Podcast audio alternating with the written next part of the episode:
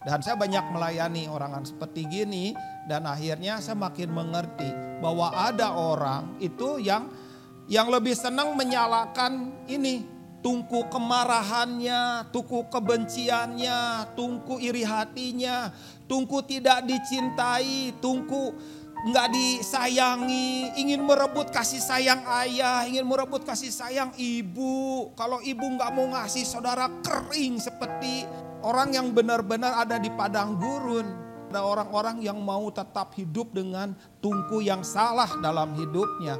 Dan itu terus menyala, terus berkobar-kobar. Tapi saya mau beritahu kepada saudara, tungku yang seharusnya dia nyalakan itu nggak ada suluh.